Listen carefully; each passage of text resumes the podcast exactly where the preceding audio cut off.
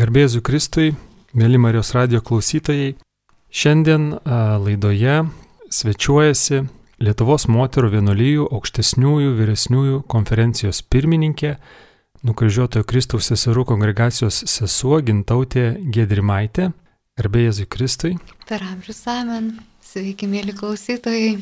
Aš Rimas Macevičius ir šiandien laidoje kalbėsime apie pašaukimą, kadangi minime maldų už pašaukimus savaitę ir visai neseniai Vilnius kunigų seminarijoje vyko Lietuvoje veikiančių vienuolyjų simpozijumas. Tad ir apie šį simpozijumą, ir apie pašaukimą į pašvestą į gyvenimą šioje laidoje kalbėsimės. Taigi, sesė Gintautė vyko simpozijumas Vilniaus kunigų seminarijoje balandžio 30 dieną. Gal galėtumėte trumpai pristatyti apie ką ten kalbėjotės, kokias temas svarstėte? Na, pirmiausia, turbūt turėčiau pradėti nuo to, kaip kilo idėjas sukviesti šį simpozimą. Tai kadangi einame sinodiniu keliu, tai norėjome tiesiog padaryti tokį didžiulį sinodą su visais Lietuvos pašvestaisiais. Tai šis simpozimas kartu yra ir sinodinio kelio įvykis. Tačiau besikalbant, be organizuojant, susitinkant vienuolyjose, susitinkant tarp vienuolyjų, įsijungus paskui ir vyrų konferencijai, vyrų vienuolyjoms, pradėjome svarstyti, kad labai aktualus klausimas tiesiog yra vienuolinio gyvenimo atsinaujinimas. Ir galbūt tas sinodinio kelio irgi paraginimas atsiliepti į tai, kas yra aktualu bažnyčiai, pažvelgti, peržvelgti einamą kelią, pamatėme, kaip svarbu yra iš tikrųjų atnaujinti, atsiliepti galbūt net ir tam tikras krizės, kurias dabar išgyvena pašvestasis gyvenimas. Todėl vienas iš tų momentų buvo atsinaujinti. Antras dalykas labai svarbus buvo, na, išgyventi bendrystę, susitikti tiesiog. Išgyvenome tą tokį galbūt ir kai kurių pašaukimų išėjimą iš bendruomenių, iš vienuolynų. Taip pat per tikrai pastaruosius metus ne, nemažai yra išėję ir, ir galų galia pasenusių daug yra vienuolių. Todėl padrasinti vienas kitą tai irgi buvo vienas iš tokių svarbesnių momentų. Na, o pakvietėme pakalbėti. E, vienas iš prelegentų buvo Palendrių Benediktinų vienuolino prioras Kazimiras Malaševičius. Jisai būtent dalinosi tokia tema, kokie yra būtent autentiški vienuolinio gyvenimo elementai. Kaip išgyvename autentiškai savo pašaukimą, kokie yra tikslai, kokie vat, yra tie esminiai dalykai, kuriuos vėl reikia atsigręžti ir, ir sugrįžti. Antroji prelegentė buvo sesuo Dominika Slepikaitė iš Dievo vaizdos seserų.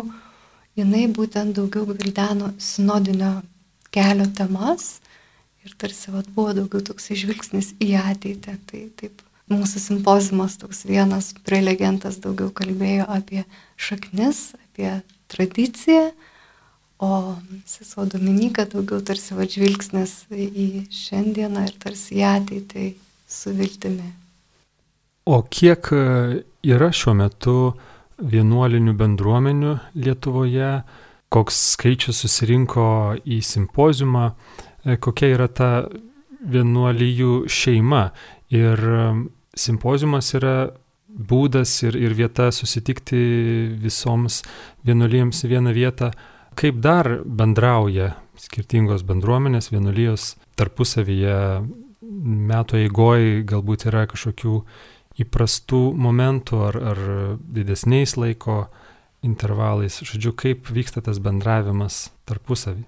Taip, tai į pirmą klausimą, kokia statistika, dėja, čia turbūt reikėtų pasižiūrėti tiesiog žinynę ir, ir tą statistiką pamatytumėm, dėja dabar aš tikslių skaičių nežinau, galiu pasakyti, kad maždaug yra apie 400 moterų vienolyjų seserų, bet žinome, kad labai daug bendruomenių yra tokių, kur, kur tikrai galbūt seserys jau yra vyresnio amžiaus, yra slaugomos, mm, vyro vienuolių yra tikrai mažiau, O seminarijoje susirinko į simpozimą apie 170 vienuolių. Tai mes nu, buvom tiesiog nustebinti tokio skaičiaus, nes e, pasirinkome salę, kur seminarijos rektorius sako, ten telpa apie šimtas žmonių, nu, gal apie 150 ir kai užsirašė 170, tai tiesiog nu buvo nuostabu.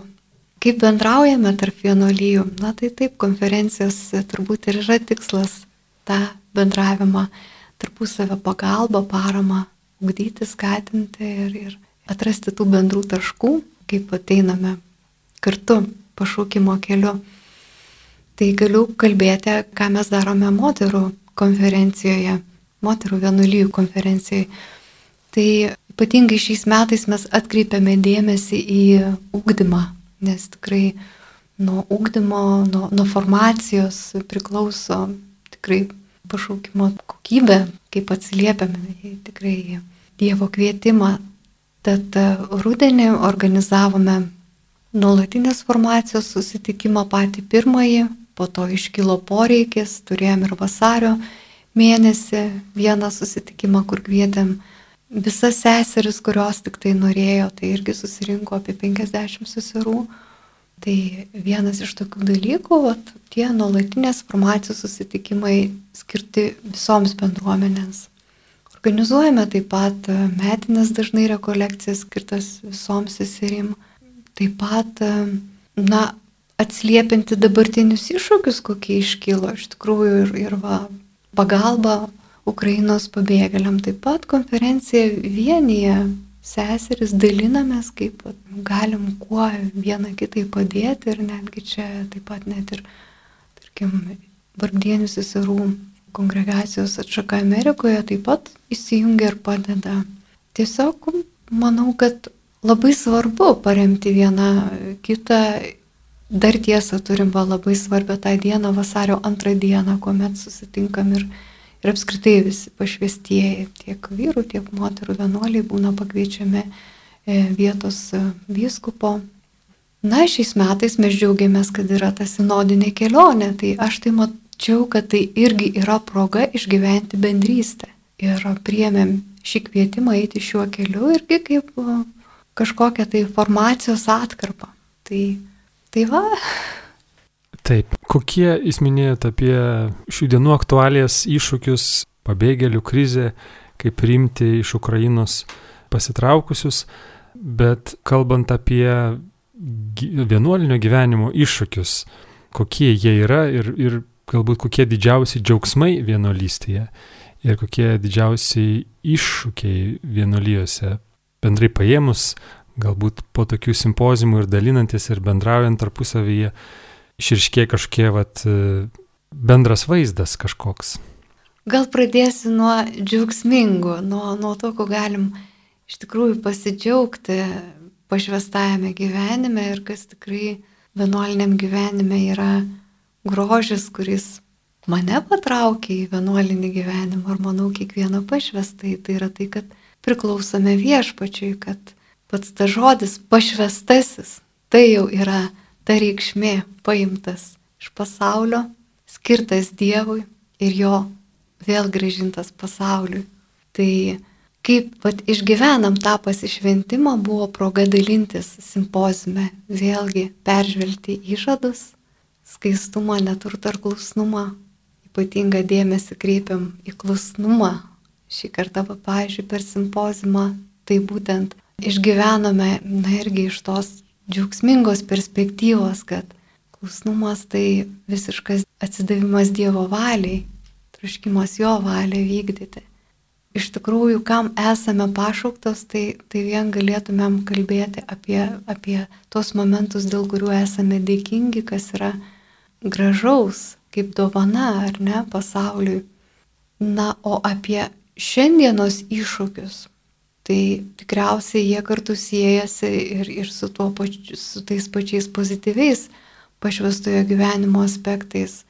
Jeigu džiaugiamės, kad, na, vienuoliai, būtent jie yra paimti iš pasaulio ir atiduoti kaip dovana pasauliui, dažnai turim tą iššūkį, e, tokį nelengvą tarnystėje pasaulyje, kada iš tikrųjų puola tos pagundos ir su pasaulėte. Ir jeigu pradžioje užsiminiau apie tam tikras kažkokias krizes, aišku, apie jas jau labai daug metų kalbame pašestajame gyvenime, tai dažnai tos krizės kyla kaip ir, na, ir popiežius Pranciškus tą užsiminė dėl supasaulėjimo, dėl to, kad vienuolių yra mažai ir, ir čia tas pavojus ištirpti tame pasaulyje yra didžiulis, ar ne? Tai vienas iš tų iššūkių. Antras dalykas turbūt, kad, na, yra tarsi labai daug veiklos. Ir vienas aš manyčiau, kad iš dabartinio to kartu ir su pasaulėjimu ir apskritai va tokios krizės momentų, tai yra tai, kad pašvestieji vienuoliai matydami didžiulius kažkokius tai tarnystės laukus, tuose laukuose tarsi paskestam. Ir tada aišku, kad darbas tampa svarbiau, tampa svarbiau sėkmė, tik rezultatas ir, ir, ir, ir tikriausiai nu, tada savirealizacija kažkokia tampa svarbi, bet, bet ne, ne iš tikrųjų, kuo mes tikrai esame, kad esame tuo Dievo ženklų žmonėm.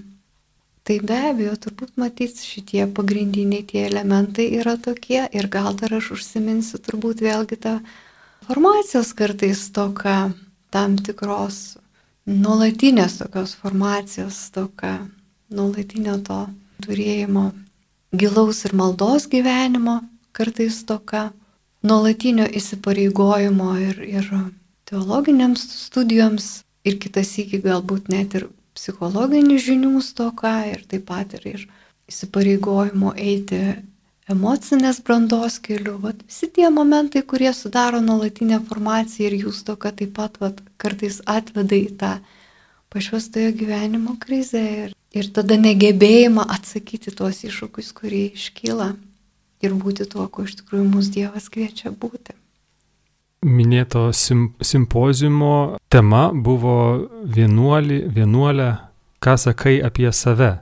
Kaip tokia, toks temos pavadinimas kilo ir, ir ar buvo kažkokių, nežinau, formuluočių ar, ar, ar frazių paminėta, ar, ar čia tiesiog retorinis klausimas. Vienuolį, ką sakai apie save?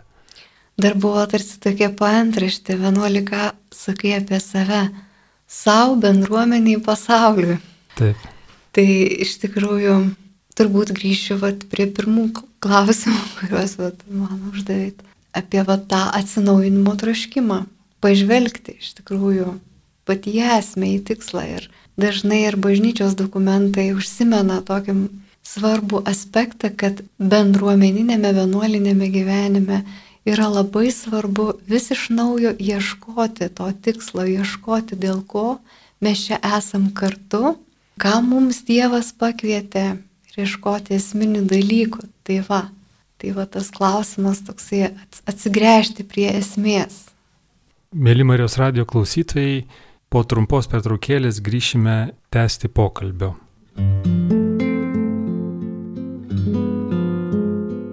Jūs girdite Marijos radiją.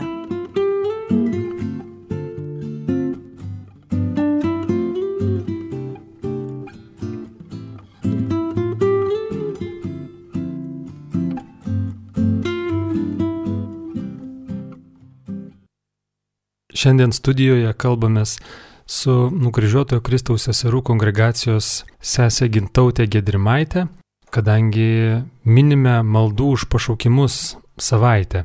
Sesė Gintautė, pašaukime svarbus ženklai, kuriuos pašauktasis pastebi, kaip jūs supratote, kad Dievas jūs šaukia tapti vienuolę. Šitoks provokuojantis liudijimui klausimas. Iš tikrųjų, turbūt tuo ženklus, vat, kaip klausimo pradžioje užsiminėte, tikrai labai svarbu visą gyvenimą atpažinti.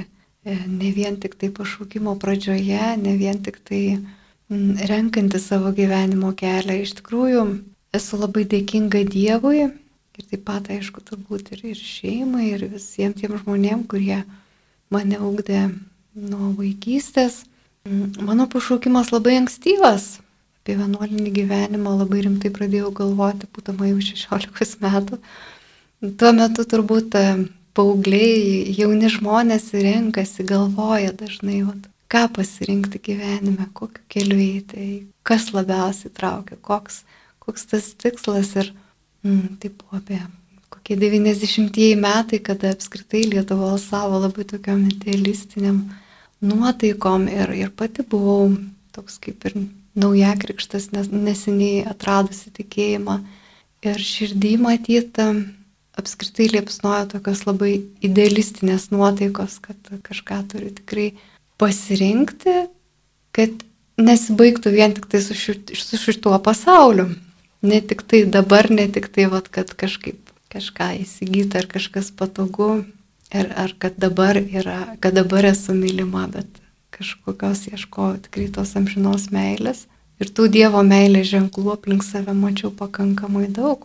Tie kažkaip bažnyčios gyvenime, kuris tada buvo nu, tais metais labai toks turtingas, atgimstantis, labai pakilus. Ir dar tas vat, noras kažkaip tai irgi at, atsiduoti ir tarnauti bažnyčiai. Kažkaip iš bažnyčios jaučiausi labai daug gavusi ir norėjusi taip pat kažką dovanoti. Na ir pamažu matytas ir gilėjo ir toksai asmeninis ryšys su Jėzumi ir, ir patikėjimas jo meilė. Tai tiesiog bendruomenės ieškojau, jos visos tuomet dar buvo slaptos, aplinkoje esančios vienuolės, jos neturėjo kažkokių tai išorinių ženklų. Vienuolinį gyvenimą daugiau pažinau iš knygų ir iš tikrųjų atėjau tada į Mikalaus bažnyčią, kur buvo Vilnius irgi viskupijos kūrija, tuo metu tenai dirbo sesuo Aldona, kuri yra mūsų bendruomenės įkūrėja. Na ir paklausiu, ką čia reikėtų padaryti, kad vat, tapčiau vienuolę. Na ir paskui užsimeskė draugystė ir, ir iš tikrųjų tai čia buvo mano kelio pradžia, va tokie ženklai, kad ir, ir žmonės, ir knygos, ir aišku, va, gyvenimas bažnyčios gyvenime, atsiliepimas. Tai ką duoda bažnyčia ir noras jai duoti kažką daugiau. Ženklai viena vertus, bet žmonės, ar, ar svarbus žmonės tame pašaukimo kelyje, paminėjot sesę Aldoną, kaip jums buvo, ar žmonių, nežinau, pavyzdys, kažkoks vedimas, nukreipimas buvo jums svarbus ir, ir kaip tai pasireiškia? Be abejo, kad svarbus, nes, kaip pat ir minėjau, galbūt labai man svarbus tuo metu buvo šventumo siekimas. Dabar aš kaip pagalvoju, šio laikiniam jaunimui siekti šventumo, kažkaip aš ne, nežinau, kitas iki, bent jau savo aplinkoje apie šventumą gana mažai kalbam. O kai širdį yra noras tapti šventai, tada pro tuos tokius vat, idealistinius akinius lengva atpažinti ir kitose žmonėse Dievo darbą, kur jie vat, yra šventi.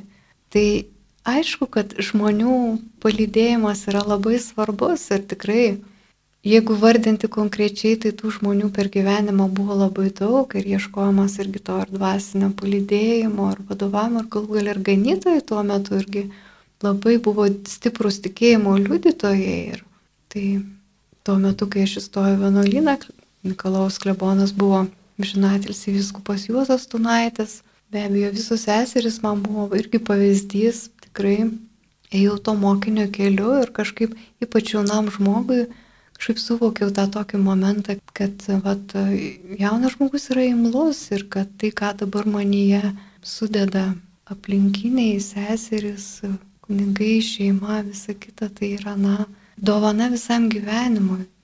Žmonės labai svarbus. Tačiau būna, kad ir patys artimiausi žmonės gali būti, nežinau, ar, ar kliūtis, ar, ar kažkoks šiek tiek stabdantis dalykas gan dažnai liudy, iš liudymų tenka girdėti, kad tėvai e, priešinasi, jei jų dukra ar sunus pasirenka arba pasisako svarstantis apie vienuolinį kelią. Kodėl taip yra? Kodėl taip yra? Todėl, kad tėvai turi kitą pašaukimą. Visi tėvai turėjo pašaukimą į šeimą. Tai be abejo, kad e, pašaukimas į pačios tai gyvenimą jis nėra natūralus. Nėra taip pat, na, ir, ir sakoma kitas įkį, net kad tai an, an, nu, tarsi, tarsi ant gamtinis pašaukimas, sen, senoviniai galbūt terminologijai tą sakysim. Bet tai ypatingas vis tik tai pašaukimas, kuris reikalauja tikrai ir galbūt ypatingos ir brandos. Na, aš pasakoju apie tai, kad aš labai jaunai įstojau tikrai ir šiais laikais aš tokios mergaitės, kuri tada atėjo, ko gero nepriimčiau, nes vis tik tai reikalauja pašaukimas ir psichologinės brandos ir tikrai, na, didesnės atsakomybės, ko gero. O kad šeima, tėvai dažnai priešinasi, tai čia turbūt nieko nėra nuostabaus, nes jie išgyveno visai pirmiausia kitokius jausmus, kitokius troškimus. Galiu padėkoti Dievui, kad turėjau nuostabę, turiu nuostabę šeimą, bet tuomet, kada rinkausi vienuolinį gyvenimą, nors mano iš tikrųjų rūpto artimiausias žmogus, mama, su kuria dažniausiai dalindavus ir bendraudavau, jinai tikrai jai ne prie širdies buvo tas pašaukimas. Jinai prisimenu, kai pirmą kartą pasakiau, kad, na, va, jau žengsiu pirmą žingsnį, stoju postulatą, jinai tikrai verkė ir išgyveno. Tačiau jinai norėjo, kad būčiau laiminga ir kad aš pati laisvai renkuosi ir jinai neprieštaravo. O vėliau, jau kai jau padariau ramžinus įžadus, jinai tikrai tik tai paremė mane tame kelyje. Tai manau, kad čia tarsi du tokie aspektai, kad tėvai iš vienos pusės jiems sunku suprasti, nes jie patys ėjo, eina kitų kelių, šeimos kelių, o iš kitosgi pusės tėvai, kurie trokšta savo vaikams laimės, be abejo, džiaugsis, kad vaikas atsiliepia į tai, į ką kviečia Dievas, jeigu tie tėvai iš tikrųjų yra tikintis, bet aš manau, kad ir visi mylintis savo vaikus tėvai, jie trokšta, kad jų vaikai būtų laimingi. Jau šiek tiek paminėta laidoje buvo apie krizę ar, ar krizės. Plika akimi matomas ne tik tikinčiųjų skaičiaus mažėjimas, bet taip pat ir pašaukimų į vienuolius, į vienuolės e, skaičiaus mažėjimas. Galbūt tai nėra visoje visuotiniai bažnyčiai, bet e, Europoje, Lietuvoje taip yra. Galbūt tai gali atgimti kažkaip, bet ar nėra svarstoma, ar nesigirdi tokių minčių, kad mažėjančios vienuolinės bendruomenės kviečia mąstyti apie tai, kad galbūt šis kelias jau priklauso istorijai, ateityje bus kitokių pašventimo, pasišventimo formų. Ką manote? Nu, apie tai, kad jau vienuolinis pašvestasis gyvenimas nėra aktualus, tai man tokių, pavyzdžiui, man asmeniškai tokių minčių tikrai nekyla ir tiesą pasakius, gal kažkas kažkur kažkada apskritai svarsto, svarstė, ir, ir, bet e, manęs kažkaip matyti ne, nepasiekia ir nelabai ne paliečia tokios mintis. E, kad pašaukimų mažėja, tai turbūt natūralu, nes, nes pasakyčiau, kad ir, ir šeima mažėja pašaukimų tikrai jau kurį laiką vis, vis girdime, kad, kad žmonės nelabai nori įsipareigoti tiesiog ilgalaikiams įsipareigojimams, ar ne? Ir tuo pat metu matyt, kai pašvestajame gyvenime yra tas ne tik, kad įsipareigojimas vat, vat, kažkokiam tai laiko tarpui, bet darom amžinus įžadus, tai manau jaunimą gali dažnai išgazdinti, kaip čia dar amžinus. Manau, kad Pašaukimų mažėjimas be abejo susijęsi su tuo, kad e, patys pašvestieji kartais atrodo pavargę, nusėdę, nusivylę, nusiminę ir neberanda to džiaugsmo savo pašaukime. Kaip sakiau, kad ištirpsta tame vandenyne pasaulio, kaip druska, nežinau, dideliame puode vandens ir e, kažkaip e, dėl to liūdimo stokos ir galim kažkaip panikuot, kalbėt, kad čia reikia dirbti su jaunimu. Aišku, kad reikia, bet pirmiausia, tai reikia gyventi, reikia gyventi tikėjimu. Man atrodo, kol yra tikėjimas, kol, kaip, kaip Kristus pasakė, iš tikrųjų, kad, kad pragaro vartai bažnyčios nenugalės, kol yra bažnyčia, tol ir bus pašvestasis gyvenimas, nes jisai buvo nuo Evangelijos iš tikrųjų pradžios ir, ir mergelių luomai, ir tie, kurie visiškai atsidavė ir pasišventė Dievui, jie buvo. Aišku, tik tai gal kokiam trečiam amžiui jau atsirado struktūros, bet atsekti tą, tą galim. Tai tol, kol yra tikėjimas, tol pašvestasis gyvenimas, aš tikrųjų manau, kad bus. O kaip su tom formom? Tai be abejo, kad formos gali keistis. Keičiasi visuomenė, keisis ir formos. Ir, ir dabar aš galvoju, kad kadangi keičiasi, vat, kaip minėjau apie formacijos svarbą, turi kažkiek tai keistis ir formacija, nes vis tik vienuolinis gyvenimas yra gyvenimo būdas, keičiasi visuomenės gyvenimo būdas, tai šiek tiek išoriškai keičiasi be abejo vienuolinio gyvenimo būdas. Bet esmė, jinai be abejo išliks visada tas troškimas visiškai atsiduoti Dievui, visiškai jam priklausyti. Ta ne tik paminėjot mažėjimą įsipareigojimo į vienuolystę, į pašvestą į gyvenimą, bet taip pat, kad žmonės ir šeimai vis mažiau linkia įsipareigoti. Da, tas toks nuogastavimas arba jau kai išgirsta ketinantį žmogų e, stoti į vienuolyną, toks pabrėžimas, kad teks daug ko atsisakyti. Daugeliui sunku galbūt pasirinkti ir atsiliepti pašaukimą vienokį ar kitokį, kad reiks daug ko atsisakyti. Ar jums jaučiasi to daug ko atsisakymo jau einant keliu e, svarba, ar, ar tai pasimirštantis klausimas, nes negali pasirinkti kažko neatsisakęs, bet jau kai pasirinki, gyveni tuo, ką pasirinkai, o ne tuo, ko atsisakėjai. Na labai ačiū už tokį klausimą, iš čia labai taikliai pastebėjote, kad pasimiršti tai be abejo, va, pasimiršta dėl to net ir tokie va, tie bendri susitikimai ir apskritai ir bendruomenės susitikimai, kai mes va, kalbam apie tos esminius, pavyzdžiui, vienuolinio gyvenimo elementus, kaip apie įžadus, kurie yra ne skaistumo, neturto ir klusnumo įžadai, vat, kurie tarsi pasako, ko tarsi atsisakom. Bet pirmiausia, tai pakalbėsiu, kad ką gaunam ar ne, tas atsisakymas tuo turbūt būna didesnis, kuo labiau vienuolis suvokia, ką jisai gauna, ar ne, ką jisai nuolat gauna, kad jisai nuolat gauna Dievo meilę, kad jisai gauna amžinai gyvenimą ir, kaip sakiau, pačioj pradžioj savo apie pašaukimo tą pradžią pasakodama, kad tas noras tikrai gauti kažką amžinai, ar ne, am, amžinybės tavo tokį, toks siekimas, tą amžiną meilę, kad, kad amžinai priklausyti Dievui. O kad pasimiršta, tai be abejo pasimiršta matyti todėl, kad e, tampa svarbesni beinant gyvenimo keliu kažkokie kiti dalykai, materialiniai kažkokie tai rūpešiai karjeros galbūt siekimas arba įsitvirtinimas kažkokiuose tai vietose ir, galbūt ir patogus įsitaisimas e, kažkokiuose e, ir bendruomenėje. Tikrai vienuoliai nėra nuo, nuo to apsaugoti ir, ir iš tikrųjų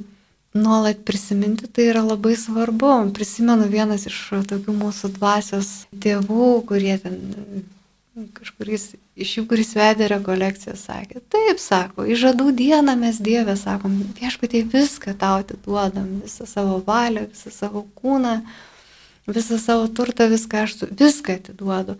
Sekančią dieną mes viską pamažu, pamažu, pamažu vėl atsijimame.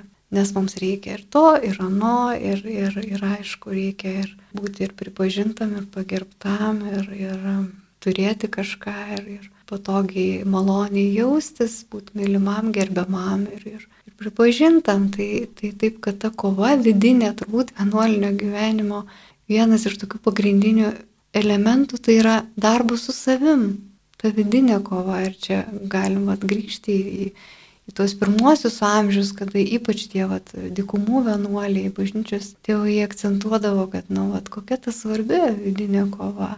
Ir kiek vienuolis gyvena tą vidinį gyvenimą, kiek jisai iš tikrųjų tą vidinę kovą kovoja, tiek jis ir yra vienuolis. Tai tas toksai, kaip sakyt, atsisakymas Taip jūs ir tame klausime labai gražiai pastebėjote, kad bet kokiam pašaukime atsis, yra tas atsižadėjimas, atsisakymas. Tikrai tas pavyzdys, kaip motina, kuriai gimsta naujagimis, kiek jinai turi tėvelį, kiek turi atsisakyti vardant to, kad užaugintų tą mažą žmogutę, ar ne. Tai bet kokiam pašaukime to atsižadėjimo yra labai daug, bet kai tėvai labai myli, jie suvokia, kokį didų darbą daro, jie galbūt ir tuo labiau bus pajėgus atsisakyti iš meilės daug ko.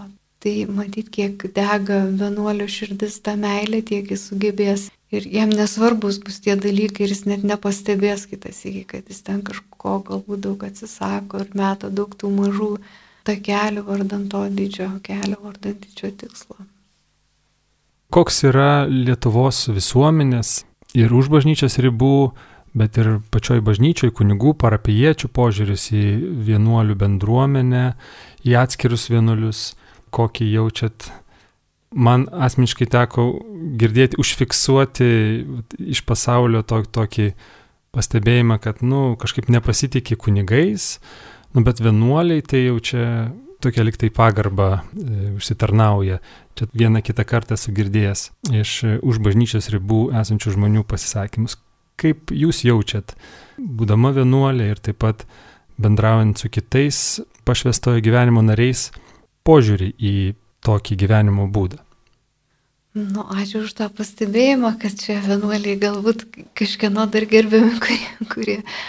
Nu, iš tą klausimą mums iš tikrųjų būtų gana sunku atsakyti, nes e, kažkaip nelabai matyti, nežinau, bet tai nuomoniai svarbą skyriu ir, ir nežinau, aš kažkaip jaučiu, kad, pavyzdžiui, mūsų bendruomenė tai tikrai yra labai, nu, esam mylimo žmonių turim padarželį, labai daug bendravom su, su tėveliais, tai nu, kažkaip tai jaučiam, kad, na, mumis pasitikė.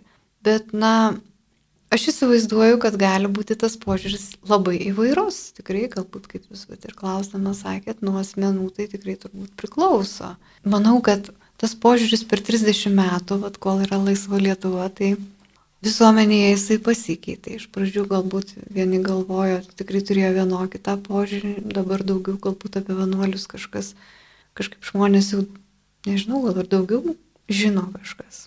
Taip pat, man atrodo, labai priklauso nuo, nuo kiek turiu kontaktų. Jeigu pažįsta vienuolius, jeigu pažįsta konkrečius žmonės, tai nuo, nuo santykio priklauso. Yra vienoks požiūris. O jeigu tik tai pasiskaitę žiniasklaidos ir, ir apskritai kažkokių tai gal senovinių knygų, tai gali turėti ir kitokį požiūrį. Aišku, kad e, dar yra tas momentas, kad Lietuvoje vienuolių matom, kad yra labai nedaug. Tai kai kurie iš viso galbūt kartais būna dar, kurie labai nustemba kažkur, jeigu nuvažiuoja ne Vilnių, bet kažkur kitur ir pamato vienuolę, tai matau ir, ir vaikai kitas įgiai žiūri mane kaip kažkokį tai muziejaus eksponatą. Tai va yra ir tokių požiūrių. Mėly klausytojai, laidai baigiantis, priminsiu, kad e, minime maldų už pašaukimus savaitę. Neseniai Vilnius kunigų seminarijoje vyko Lietuvoje veikiančių vienuolijų simpozijumas ir šioje laidoje svečiavusi Lietuvos moterų vienuolijų aukštesniųjų vyresniųjų konferencijos pirmininkė, nukryžiuotojo Kristaus seserų kongregacijos sesuo Gintautė Gedrimaitė. Ir pabaigai, sesė Gintautė, norėčiau paklausti, ką patartumėte tiems, kurie svarsto apie gyvenimą vienuolynę? Patarti tai turbūt būtų sunku, čia jau reikėtų patarinėti kiekvienam asmeniškai, bet norėčiau jaunimui, žmonėms, kurie svarsto atsiliepti į Dievo kvietimą, jam visiškai atsiduoti, Norėčiau tik palinkėti ir padrasinti, kad iš tikrųjų išgyventų, kaip yra Dievo mylimi, kokie jie yra brangus. Ačiū Jums, sesė Gintautė ir mėly Marijos radio klausytojai, už sesiai už dalyvavimą laidoje, klausytojai už dėmesį. Atsisveikiname su Jumis, aš Rimas Macevičius ir sesuo Gintautė, su Dievu likite ir toliau su Marijos radiju. Ačiū.